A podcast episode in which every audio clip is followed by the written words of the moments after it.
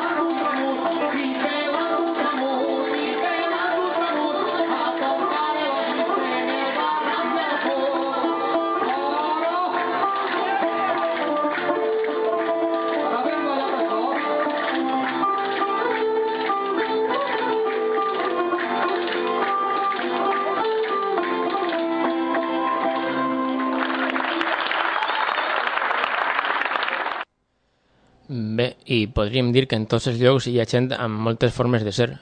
Afirmar el contrari, és a dir, suposar, per exemple, que a França són aixina o al País Valencià som d'altra manera, és caure en tòpics infantils quan aquests tòpics no els vàrem inventar a la nostra infantesa, més bé els repetim de la gent més major.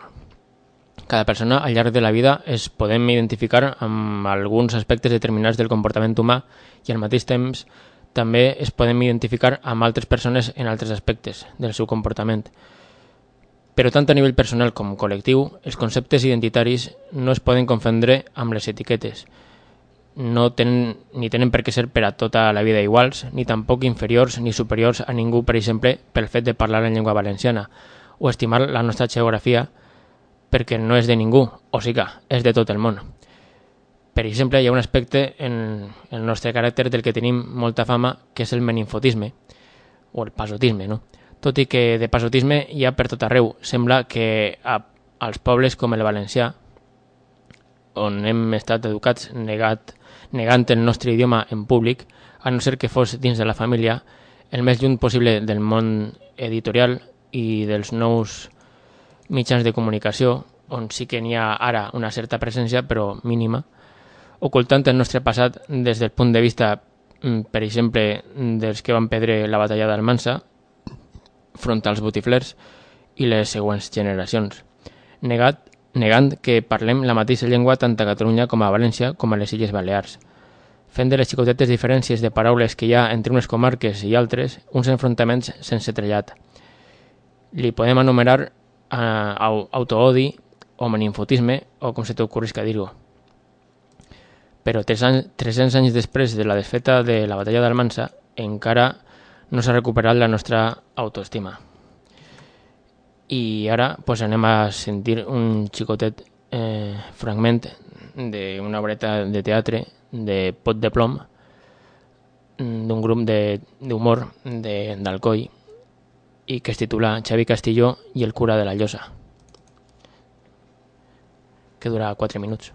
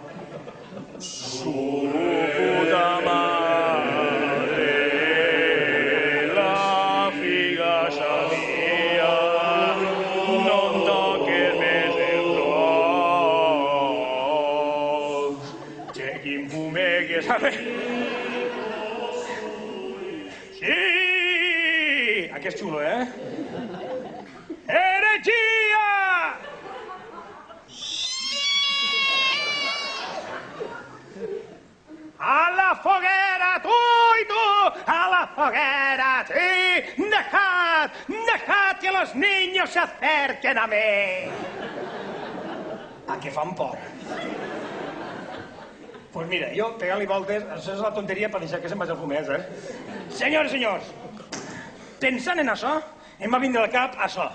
Perdoneu, però això vos ho tenia que fer. Jo no sé ni quina hora és, però bueno, no? Ja teniu igual, que sí? Voleu un poc més? Sí. Ahí dalt? Sí. Oh, jo ja sé... Jo Senyores i senyors, jo vaig fer una actuació en Xàtiva. Xàtiva va ser una actuació històrica, que això ja ho he contat així, perquè va ser històrica, perquè va tindre folló amb l'església i l'Ajuntament, que dius, la puta mare! Però és que al poc temps vas tornar a Xàtiva, vas tornar a fer una altra història, i em va passar això. Al dia següent vaig dir això. Mireu, posa estupefacció. I vaig dir, això què és? Mira, mira, mira, mira que xulo, mira, mira, diu. El cura de la llosa de Ranes parodia a l'actor Xavi Castillo en la missa dominical. Eh, és bo o no és bo? A veure, mireu-lo, està ahí, eh? Resulta que el tio va vindre a veurem actuar, eh? Míralo, diu, el párroco acudió al espectáculo del humorista y escenificó algunos de sus gags para criticarle. Que jo vaig dir, chico, no ho facis! El tio va vindre a veure actuar i el dia següent, en la missa del diumenge, va començar... Això què faig jo? Clar, les abueles de, de la llosa estaven flipant gambe. Les beates van dir, és? Ei, no supergau, Va, va, díxome que vos lo conté. Diu, el párroco se arrancó a parodiar a Castillo subiéndose la sotana en varias ocasiones. Una de les abuelas va dir en varias ocasiones. Y también va a decir la abuela, va a decir, ha llegado a hacer gestos como si se tocara los pechos y los genitales. Que yo dir, me caguen Déu, si és que me lleven la faena, hòstia. Espera, espera, espera. Diu, mira que diu, el malestar generado entre la feligresía, que ayer no, daba crédito a lo que había visto, estaba flipado. Así total que un grupo de vecinas está estudiando incluso la posibilidad de pedir al arzobispado que retire al sacerdote de la parroquia. Ya que, y segons va dir una d'elles, va dir no és la primera vez que hace cosas raras.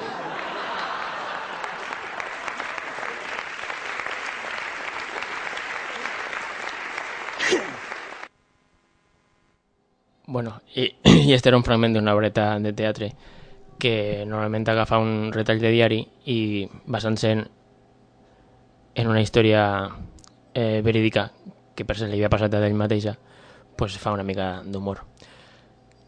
Continuem pues, així en l'informatiu del Marítim. Eh, sovint escoltem i repetim que la societat ha de ser plural. Clar. Fins i tot ho diuen els mateixos grans mitjans de comunicació al servei dels grans interessos capitalistes. Quan repeteixen que la democràcia es fonamenta en la biodiversitat social, i això queda molt bonico, però com podem dir que vivim en una societat on hi ha multiculturalitat? Si quan les persones ben intencionades arriben a les institucions dels estats acaben afavorint les desigualtats en aquestes relacions socials, ja siguen de classe, de gènere, d'origen, de pensaments, d'orientació i, per tant, de, de comunicació entre totes aquestes realitats.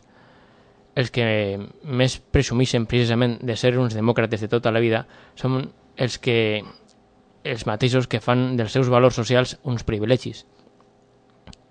Privilegis que estan consentits ja siga per una complicitat sumissa de part de la població com també per una impotència per part de qui intenta evitar-ho, però no ho podem aconseguir, i com no per un, una altra vegada, meninfotisme, eh, o pasotisme, per a no entenga este, esta paraula encara que no tinguem la, la patent, perquè el meninfotisme no és algo només d'ací del País Valencià. Per exemple, eh, Libertad Digital Televisión, Intereconomía Radio Televisión, Popular Televisión, las provincias Televisión, Radio i Premsa, Radio Televisió Valenciana, teòricament ente públic, entre els més catòlics i reaccionaris. Uns altres que diuen ser d'esquerres no volen fer eh, el contrapès necessari només fan un xicotet mm, paripé. I nosaltres, emissores com esta, Radio Malva, avui en dia no fem mm, molt de soroll. És a dir, que no aconseguim tota l'eficàcia que ens agradaria, però sobretot hi ha una manca de comunicació directa al carrer entre el veïnat per a fer front a les, de, a les adversitats per damunt de les xicotetes diferències en lloc d'eixes mirades de despreci a qui no pensa igual que tu. En aquest sentit, els mitjans de comunicació de masses tal vegada juguen un paper decisiu en aquestes divisions i conflictes quotidians, afavorint un comportament abans individualista que col·lectivista, en lloc d'ajudar a raonar i resoldre la nostra convivència quotidiana als nostres barris. Per exemple, la llei valenciana de l'audiovisual i la llei general estatal de l'audiovisual volen ofegar el dret a emetre informació pròpia, és a dir, a tindre un ample espectre de la informació, no de opinólogos tocalo todo, repetint el sermó del capellà dels diumenges, sinó de fons d'informació a on anar directament, és a dir, sobretot de comunicació directa al carrer entre les persones amb opinions distintes, incloent les enfrontades.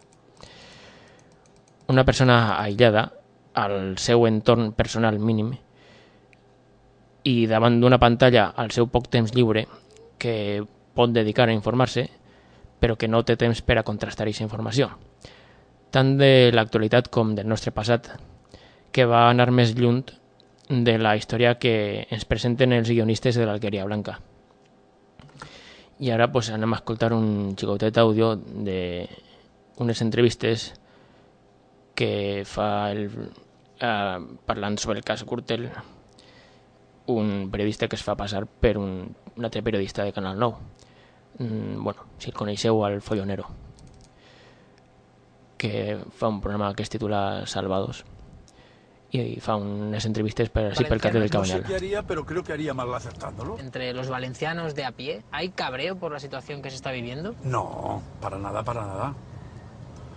Es que a lo mejor mucha gente lo desconoce. Yo creo que pasa que Igual es que ves Canal No todo el día. Pues la verdad es que si te quieres informar no tienes que mirar canal, no, ¿eh? Nosotros hemos hecho un experimento con un reportero nuestro que lo hemos hecho pasar por como si fuese de Canal No. ¿Ah, sí? Dale paso, hombre, a ver si lo vemos. Aquí a la cámara. Dentro vídeo. Díselo tú. Me parece gracioso, sí. Pero dile pa- dale paso al vídeo. Paso al vídeo. El caso Gürtel. El caso Gürtel acapara las portadas de todos los medios. ¿De todos? No. La televisión pública valenciana, Canal No, ha recibido muchas críticas por censurar las informaciones del caso Gürtel. Por ejemplo, veamos el orden de importancia de las noticias en el informativo. La noticia de Gürtel es la 11, por detrás del precio del ketchup, la naranja y el limón. ¡Qué notición! Pero realmente son ciertas estas críticas. Puede ser que la gente haya asimilado que delante de los micrófonos de Canal No no se puede criticar al gobierno valenciano. ¡Comprobémoslo! Simplemente quería preguntarte tu opinión sobre el caso Gürtel. Que ya era hora, ¿no?, que se destaparan cosas hacia el Partido Popular, ¿no? que es un desastre que haya tanta corrupción en la política. Que ya está bien de tanto chupar de- del pueblo. Son todos unos ladrones y unos canallas. ¿Cree que el Partido Popular es culpable? Para mí es culpable. Según los que dicen los periódicos, sí. Pues yo creo que sí. Sí. Sí. Es una falta de respeto al pueblo, ¿no? Es que somos Canal Now. Ah, pero de. Es que somos la televisión pública valenciana. Sí. No podemos emitir opiniones contrarias al Partido Popular. Ay, ay, no, discúlpame, discúlpame, es que lo confundí. No sé si podrías cambiar un poco el discurso. Yo lo que quiero que me diga es que defienda al Partido Popular. Sin mojarse demasiado, ¿eh? No me podría decir usted, yo creo que el Partido Popular es inocente. Ni culpable ni inocente. Dígame que es inocente, mujer. Pues hombre, pues te digo que es inocente. Si tú crees que es inocente, yo también te digo que es inocente. Es inocente, sí. Sí, yo creo que son inocentes. Si no quieres criticar a- al Partido Popular, como mínimo también critica al PSOE. No puedo decir nada por la sencilla razón de que yo soy pertenezco al Partido Socialista. Entonces yo no puedo ir en contra de mi partido. Claro, te debería decir algo más neutral, ¿no? ¿Me puedes decir tú, el PSOE se está metiendo mucho con el tema, pero ellos seguro que también tienen lo suyo? Pues el PSOE también tiene lo suyo y, y el caso Gürtel en un día de estos, pues vamos, no, no va a tener nada que envidiarle a lo que pueda salir del PSOE. Que en democracia eh, la gente es inocente hasta que se demuestre lo contrario. Hasta que no se demuestre lo contrario, todo el mundo es, es, es mm, Inocente. inocente. Es una cortina de humo del PSOE, ¿verdad? Pues para mí, pues sí. Vale, los críticos con el gobierno valenciano son capaces de cambiar de discurso, pero ¿y los que apoyan al PP? ¿Exagerarán su opinión al ver que el medio es Canal No? Nos ha salido mucho votante socialista que está criticando mucho al Partido Popular. No sé si ustedes podrían enfatizar un poco el hecho de su defensa al partido, más que nada para compensar. Hay que arrimar el hombro con la gente que nos paga. Yo todo lo que haga el PP bien hecho está, incluso robando. Yo he hecho muchos regalos y me han hecho. Y eso será inevitable. Yo creo que van directamente a por el señor Camps. Camps, ahí. Camps el, me- el mejor. Costa. Bueno, no sé, hasta ese punto... O díganme que Costa también es inocente y que no debería. No, no, si Costa es inocente también, claro. Nos acusan de intentar confundir a la gente y que digan cosas que no quieren decir de verdad. Yo no lo creo. El que esté libre de, de culpa que tire la primera piedra. primera piedra, eso es. Así es. ¿Me lo podría decir usted? Pues el que esté libre de pecado, que tire la primera piedra. El PSOE tampoco se queda manco, ¿eh? Tampoco es manco. Es que no, no, no estoy enterado de, cosas de esto. No, por lo que pueda pasar. Pues caballero, muchas gracias. Sabe usted que Canal Nou le agradece su colaboración. Viva el Partido Popular, ¿no? Pues yo creo que sí. ¿Puede decirlo usted? Viva el Partido Popular.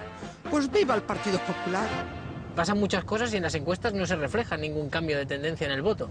A mí me da la sensación que el votante de izquierdas o cambia su voto o al menos se retiene. Lo que sí que se está comprobando en estos momentos en la comunidad es que ante escándalos, por ejemplo, como el que estamos teniendo ahora mismo en esta ciudad o en esta comunidad o en esta región, el votante de derecha lo arropa más. Aquí hay gente ahora mismo, votantes del PP, que siguen dando un apoyo total y absoluto a su partido a pesar de todo lo que se está publicando. No lo tenga usted en menor duda. Ah, mira,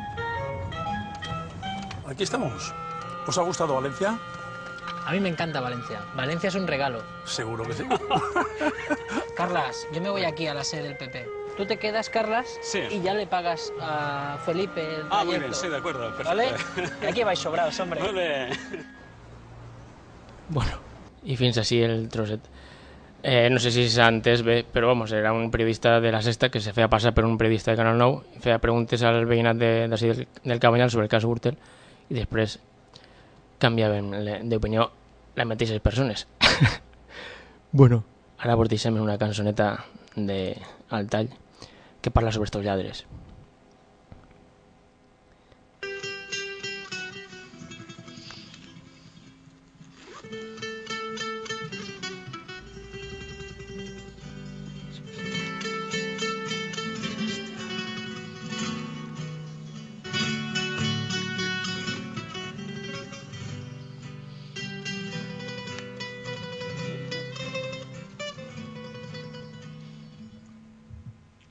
Lladres que entreu per Almansa no sou lladres de saqueig que ens poseu la cava en casa. I des d'ella governeu governeu de lladrocidi rapinyeu governant. Sou fartons de vida llarga que mai voleu acabar. El nostre pa cada dia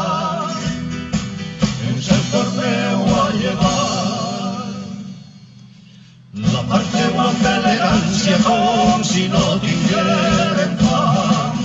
I el rapos era elegància ens heu forçat a oblidar que si sentim buit el ventre és per manca de menjar. Que si sentim buit el ventre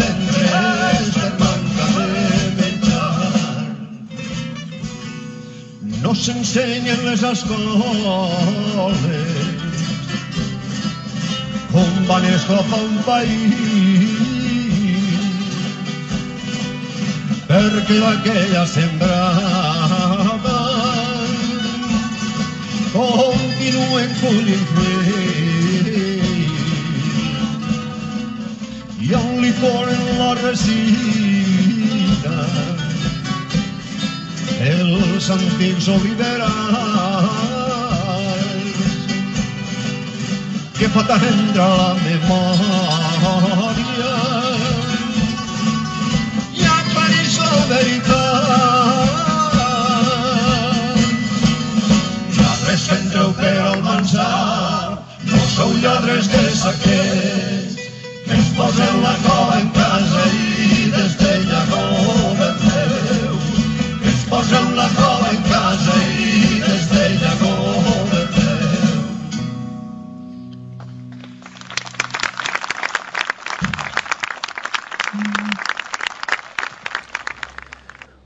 Per a qui no els conega, era el grup Altall.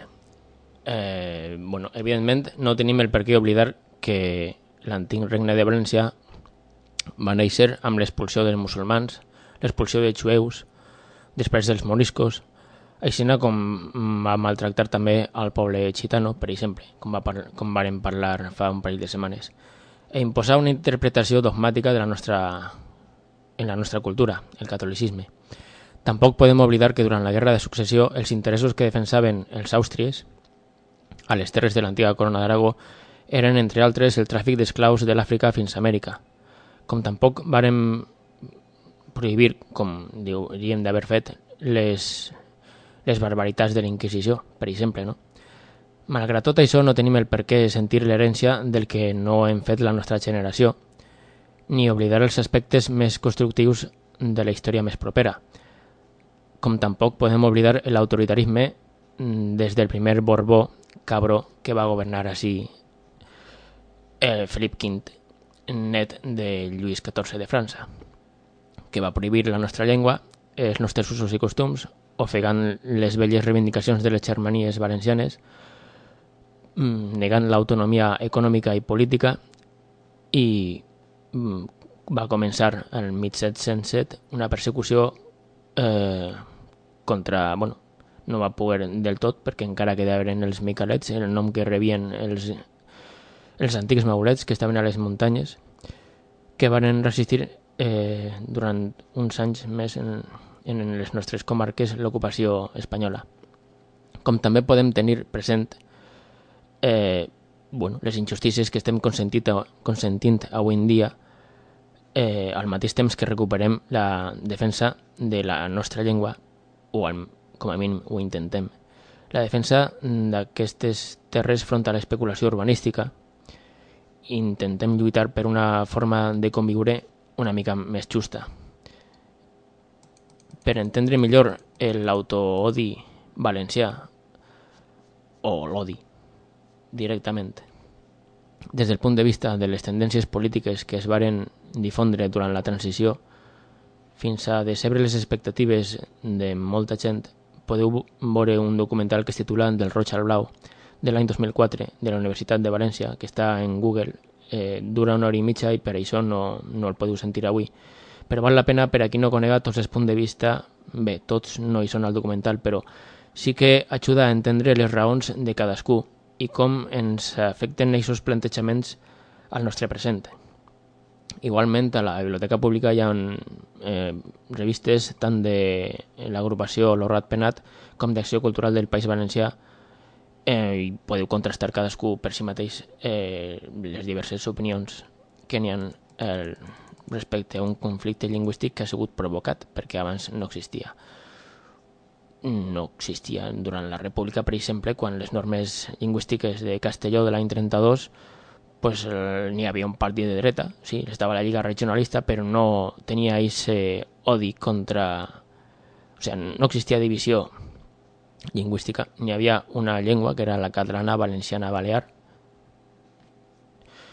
i això va ser així, inclús durant la dictadura de Franco, fins que Fernando Abril Martorell, propietari de la Unió Naval de Levante, fou ministre de la Unió de Centro Democràtico durant la transició, que és quan apareix les normes del Puig del 79 mm, i se, es, bueno, es fomenta una divisió lingüística que no té massa trellat.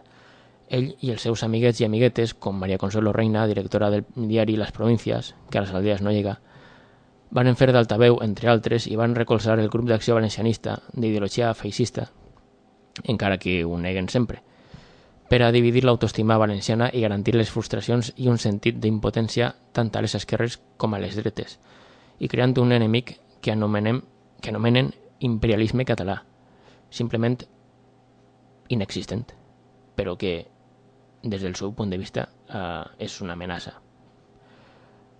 Eh, jo penso que és inexistent aquest imperialisme català fins i tot en Barcelona, però bueno, de la mateixa manera que avui en dia estan intentant-ho amb partits com Espanya 2000 perquè així el PP pugui semblar a la, a la major part de la població com un partit de centre i democràtic. Quan en realitat no. Els fets parlen per si mateix, sembla a mi. També podeu llegir els orígens eh, del, del moviment que anomenem l'averisme, en la pàgina web de antifeixistes.org en la secció de documentació històrica per entendre una manipulació que la patronal eh, valenciana mm, va agafar-se com a seu propi discurs blaver catòlic dretà que va passar, per exemple, a l'any 91 quan va guanyar el PP amb Unió Valenciana. I des d'aquest dia no se'ls llevem ni en rasqueta.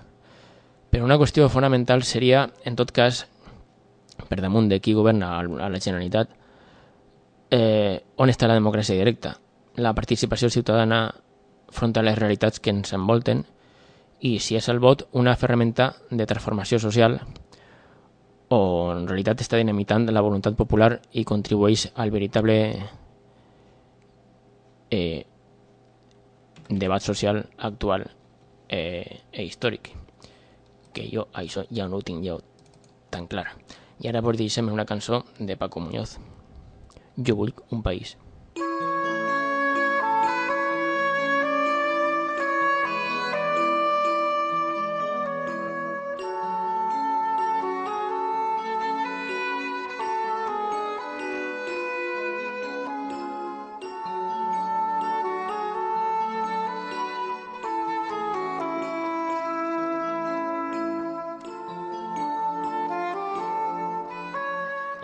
Altra desfeta comença el mansa perdent la batalla un dia d'abril.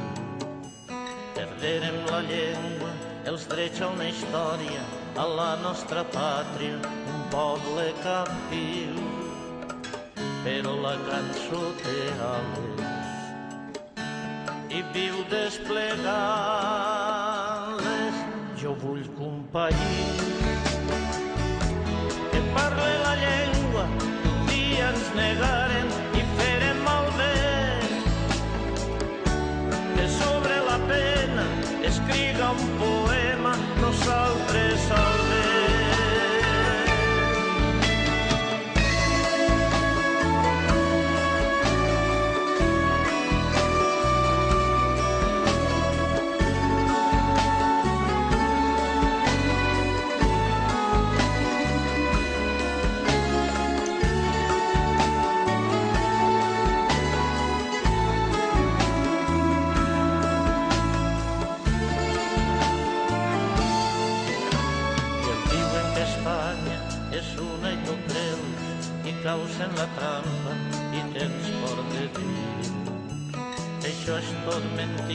que som d'un gran poble amb una cultura que es nega a morir.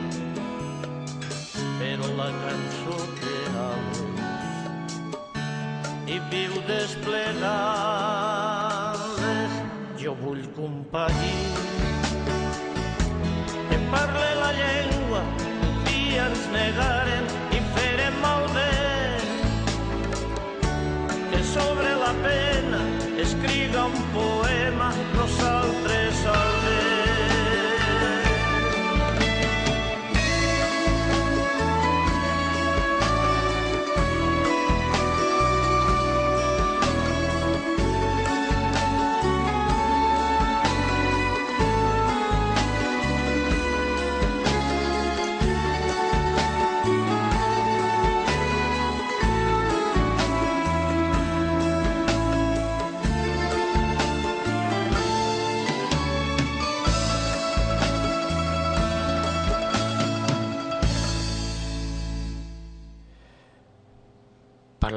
història plena d'exemples poc coneguts, com la revolta dels camperols de les Germanies al segle XVI, que junta amb els comuneros a Castella i altres exemples a Anglaterra, Alemanya i França en aquella època, van ser una resposta de la població camperola front a la crisi del sistema feudal, contra la oligarquia urbana, la uniformitat catòlica i els senyors feudals. Un altre exemple encara més desconegut són, per exemple, les bases per a l'Estatut d'Autonomia del País Valencià de l'any 36, fet per el moviment llibertari. Podeu llegir eh, un text d'Alfons Cucó i Xiner titulat "La- L'anarcosindicalisme i l'Estatut d'Autonomia del País Valencià de l'any 36 a l'any 39 en la pàgina web racó.cat. Eh, Alfons Cucó va argumentar en aquest text que el moviment llibertari que en realitat anava molt més enllà del sindicat de la CNT i dels grups de la FAI, eh, no haguera pogut arribar a presentar les bases de, per a l'Estatut d'Autonomia mm, de no ser perquè va aprofitar el buit del govern republicà durant la guerra. Per això és una interpretació molt respectable, però només és un punt de vista d'una persona que té temps per escriure i que em sembla molt bé. Però hi ha altres punts de vista, que jo vaig a re- a replegar en testimonis de militants llibertaris que ho varen viure en, en aquella època i que varen mm, patir presó després i exili i que no pensen igual. No volien llevar a uns del poder per a ficar-se al seu lloc, més bé al contrari. El que varen intentar, però que no varen aconseguir, no només per la posició dels comunistes, sinó també d'alguns militants confederals, era transformar el poder de les institucions teòricament representatives de la societat en un poder popular, on només quedaven excloses aquelles persones que recolzaven el levantamiento militar del 18 de julio, evidentment, perquè anaven contra les aspiracions de justícia social de totes les distints eh, corrents de, del moviment obrer d'aquell moment que, entre altres experiències, varen demostrar-se a si mateixa i al món sencer que poden viure sense patronos i resoldre les injustícies sense, sense presons. Eh, D'això fou un bon exemple les col·lectivitzacions, Bueno, i ara pues, anem a sentir una cançó del grup de Clash que van fer en, en Londres dedicada al, als exiliats espanyols que n'hi havia en, en Anglaterra que es reunien al, alguns d'ells i elles al Centro Ibérico de Londres. I la cançó es titula Spanish Bombs. Mm, bombes en Espanya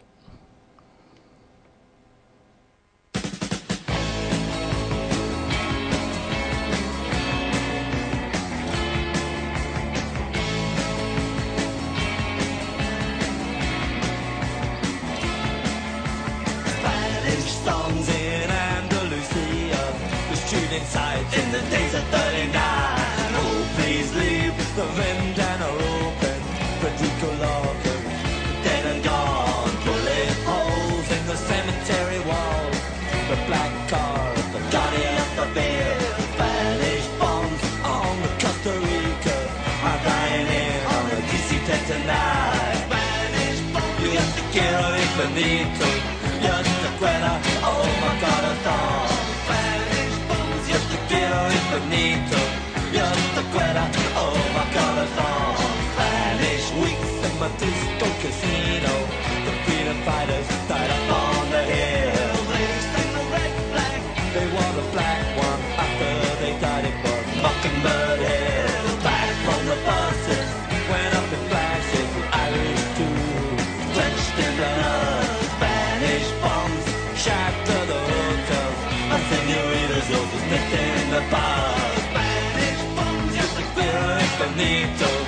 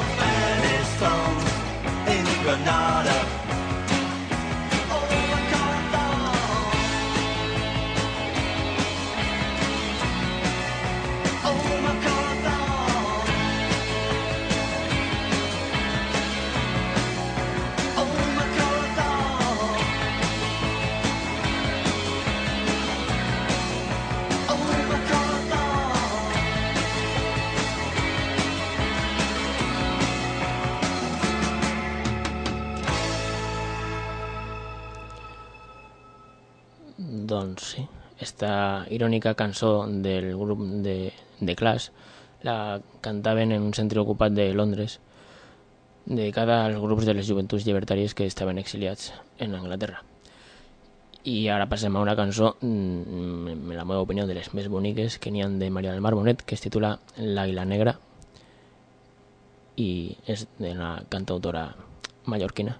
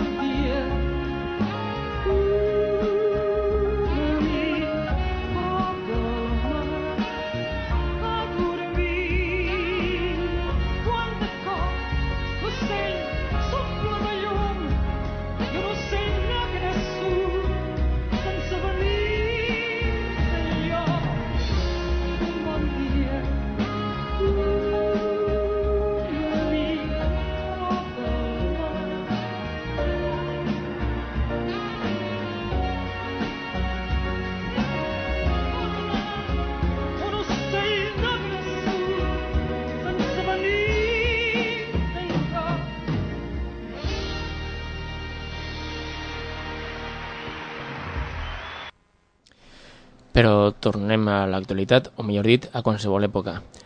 En què es fonamenta l'identitat de cada persona i dels pobles que parlen una mateixa llengua, malgrat algunes paraules que canvien de comarca a comarca i al llarg del temps? Eh, es pot fonamentar la identitat valenciana en el model de societat que ens estan imposant, no només així, en els païs de, de merda, els plans d'actuació integral urbanístics com el de Cullera, com el de Catarroja, com el d'Alboraya, com el port esportiu d'Eixàvia, com l'aeroport de Castelló, com les mines britàniques en la comarca de la Serrania, els abocadors de fem incontrolats, el trasbassament de l'Ebre, el trasbassament del Xúquer, per al turisme, no per a l'horta originària, els incendis forestals provocats i l'especulació amb la fusta, un pla territorial de protecció de l'horta quan no queda ja pràcticament molt per a protegir i el poquet que queda per a protegir fins a quan estarà protegit perquè feta la llei feta la trampa i d'exemples en tenim massa o el Plan Especial de Protecció i Rehabilitació Integral del barri del Cabanyal o d'altres barris, no només així.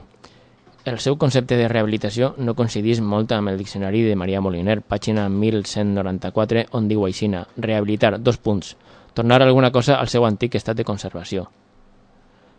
pues, o, no, o no tenen el Maria Moliner en sa casa esta colla de lladres, o és que tenen un altre concepte que és més proper al d'aburguesament o gentrificació, que és un procés de transformació urbana per la que es substituís a la població original progressivament per una altra amb un nivell adquisitiu més alt, que és la que se suposa que podrà viure quan se faça la avinguda, perquè en aquestes casetes no viurà ningú de nosaltres, ni de propietari, ni de lloguer, ni d'ocupa. Bueno, i ara anem a ficar una cançó de La Trinca, eh, també irònica, que és, eh, bueno, parla sobre el, el IVA, el impuesto de bienes, bueno, esto de la Unión Europea, ¿no? que és de l'any 86, la cançó, quan Espanya va entrar en la Unió Europea i pues, fa una mica de gràcia sentir-la ara a aquestes altures. Ai, que l'IVA ja ha arribat. Ai, que l'IVA ja és aquí. Un impost enrabassat. Que és difícil perquè sí. I si encara tens problemes per poder-lo calcular, ens escoltes un moment i t'explicarem com va. Resta de gravamen del passiu acumulat sobre la base imponible de l'import quantificat amb la prorrata transitòria circular, traduïda en la quota del valor amortitzat. Sobre descompte del valor incrementat a la derrama actualitzada del producte facturat i li afegeixes 4 euros sobre el guany per si cas t'equivoquessis que no corre res d'estrany. Quan arribi la liquidació, s'ha de calcular molt d'atenció perquè el superàvit dels actius i dels passius sigui la quota tributària més el curs de la inflació. Si has de reclamar devolució, això simplifica la qüestió. Treu un coeficient del percentatge de la tassa del baremo que s'aplica sobre cada operació. I amb un carroquet de quatre cops i preparar-se a decidir canvis entre quan arribi gran moment ineludible i esperar també efectiu el requisit de tributar. Se li suma, se li resta, se li puja, se li baixa, se li apunta, se li escorre, se li tomba, se li gira, tu repassa, li dominis, quan dominis, sempre et tocarà pagar.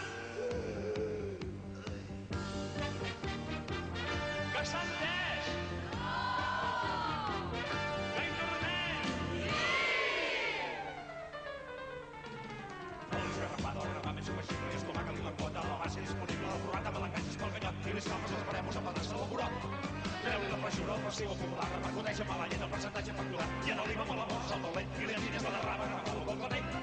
Quan arribi la liquidació, s'ha de calcular molt d'atenció perquè la trompada que li clavis a la quota tributària produeix una inflació. Si has de reclamar devolució, això simplifica la qüestió. Trinxa-li la base i associa-li la quota l'impost que bonineja sobre cada operació. I amb un carro ple de quatre cols i preparar-se decidir pels canvis entre quan arribi el moment ineludible i esperar també que diu el requisit.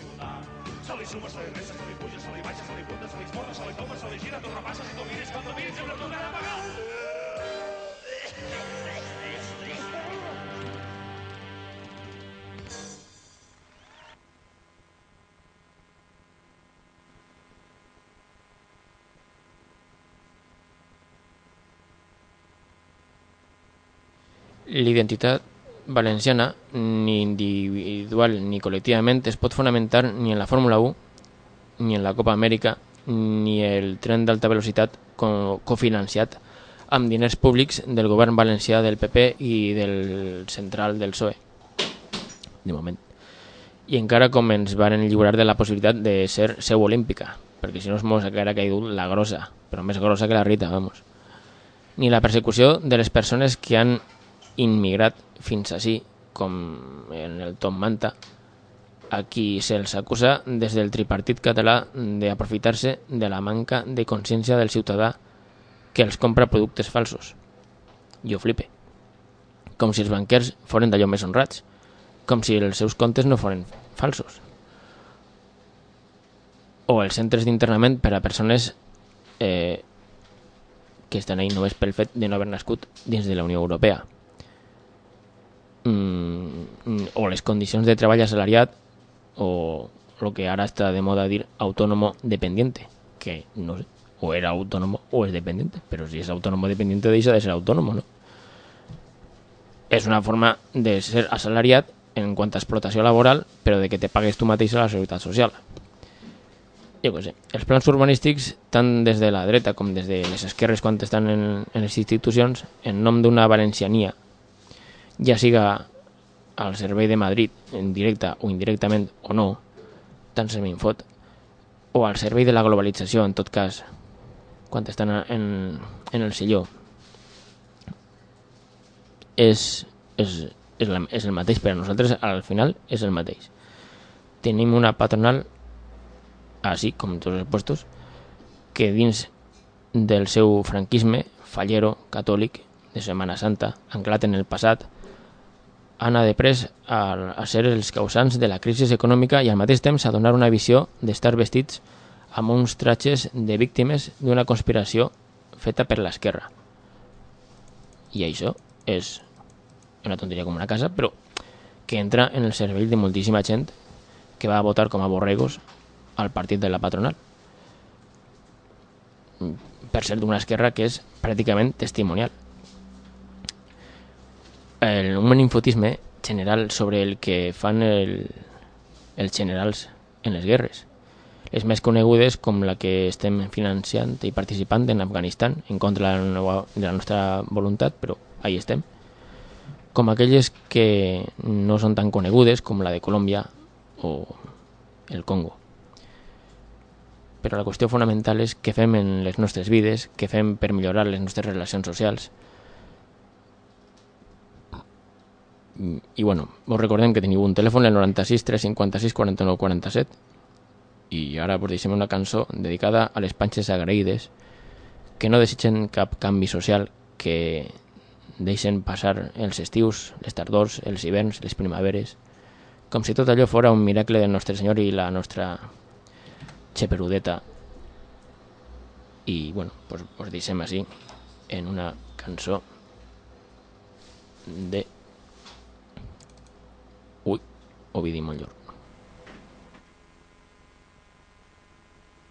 Sí, señor. Oui, monsieur.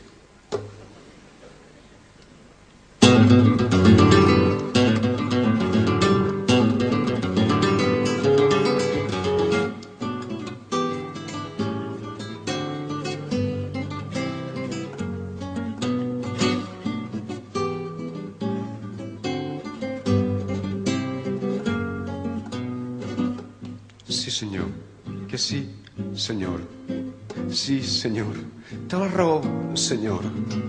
Sí, senyor. Digui'm, senyor. Ben cert, senyor. Sí, senyor. Sí, senyor. A disposar, senyor.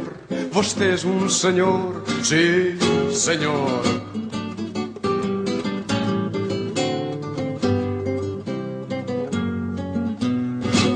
Sí, senyor. Manem, senyor. A les ordres, senyor. Ja ho sap, senyor. Sí, senyor. Re sí, senyor. Recontra sí, senyor. Senyor. No es preocupa el senyor. No em fa mal el senyor. Endavant, senyor. Sí, senyor.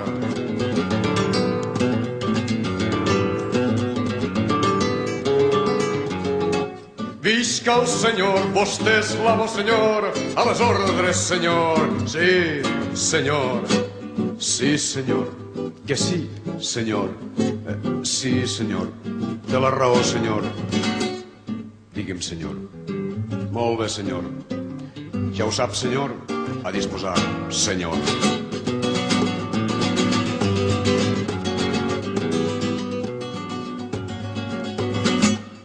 Sí, senyor. Manem, senyor.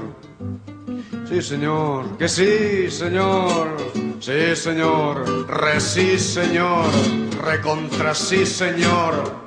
Senyor, no es preocupa el senyor, no em fa mal el senyor. Endavant, senyor, sí, senyor.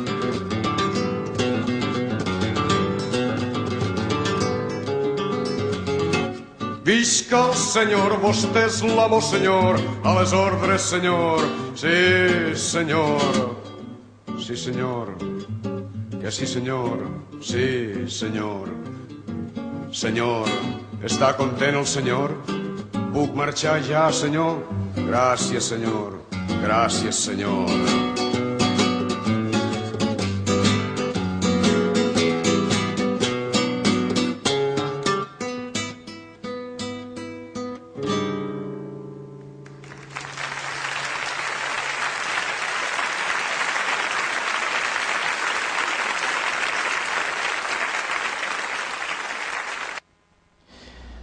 Ara li dediquem una cançó a la ràdio mistelera de la Xara, que és una cançó de Lluís el Sifoner i que es titula De Pedreguer a la Xara.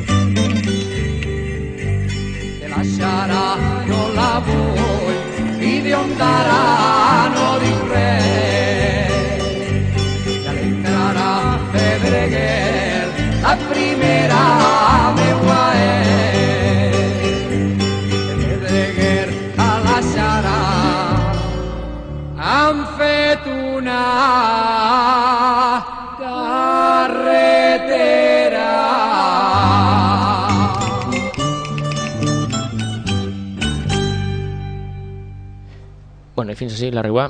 Eh, no acabarem sense recomanar-vos eh, que adquiriu la revista la 1314 Fanzine, que també la podeu eh, trobar bueno, així, en, en l'escola del Cabanyal, en el carrer mm, Progrés 154, eh, de dimecres a dissabtes per la vespre.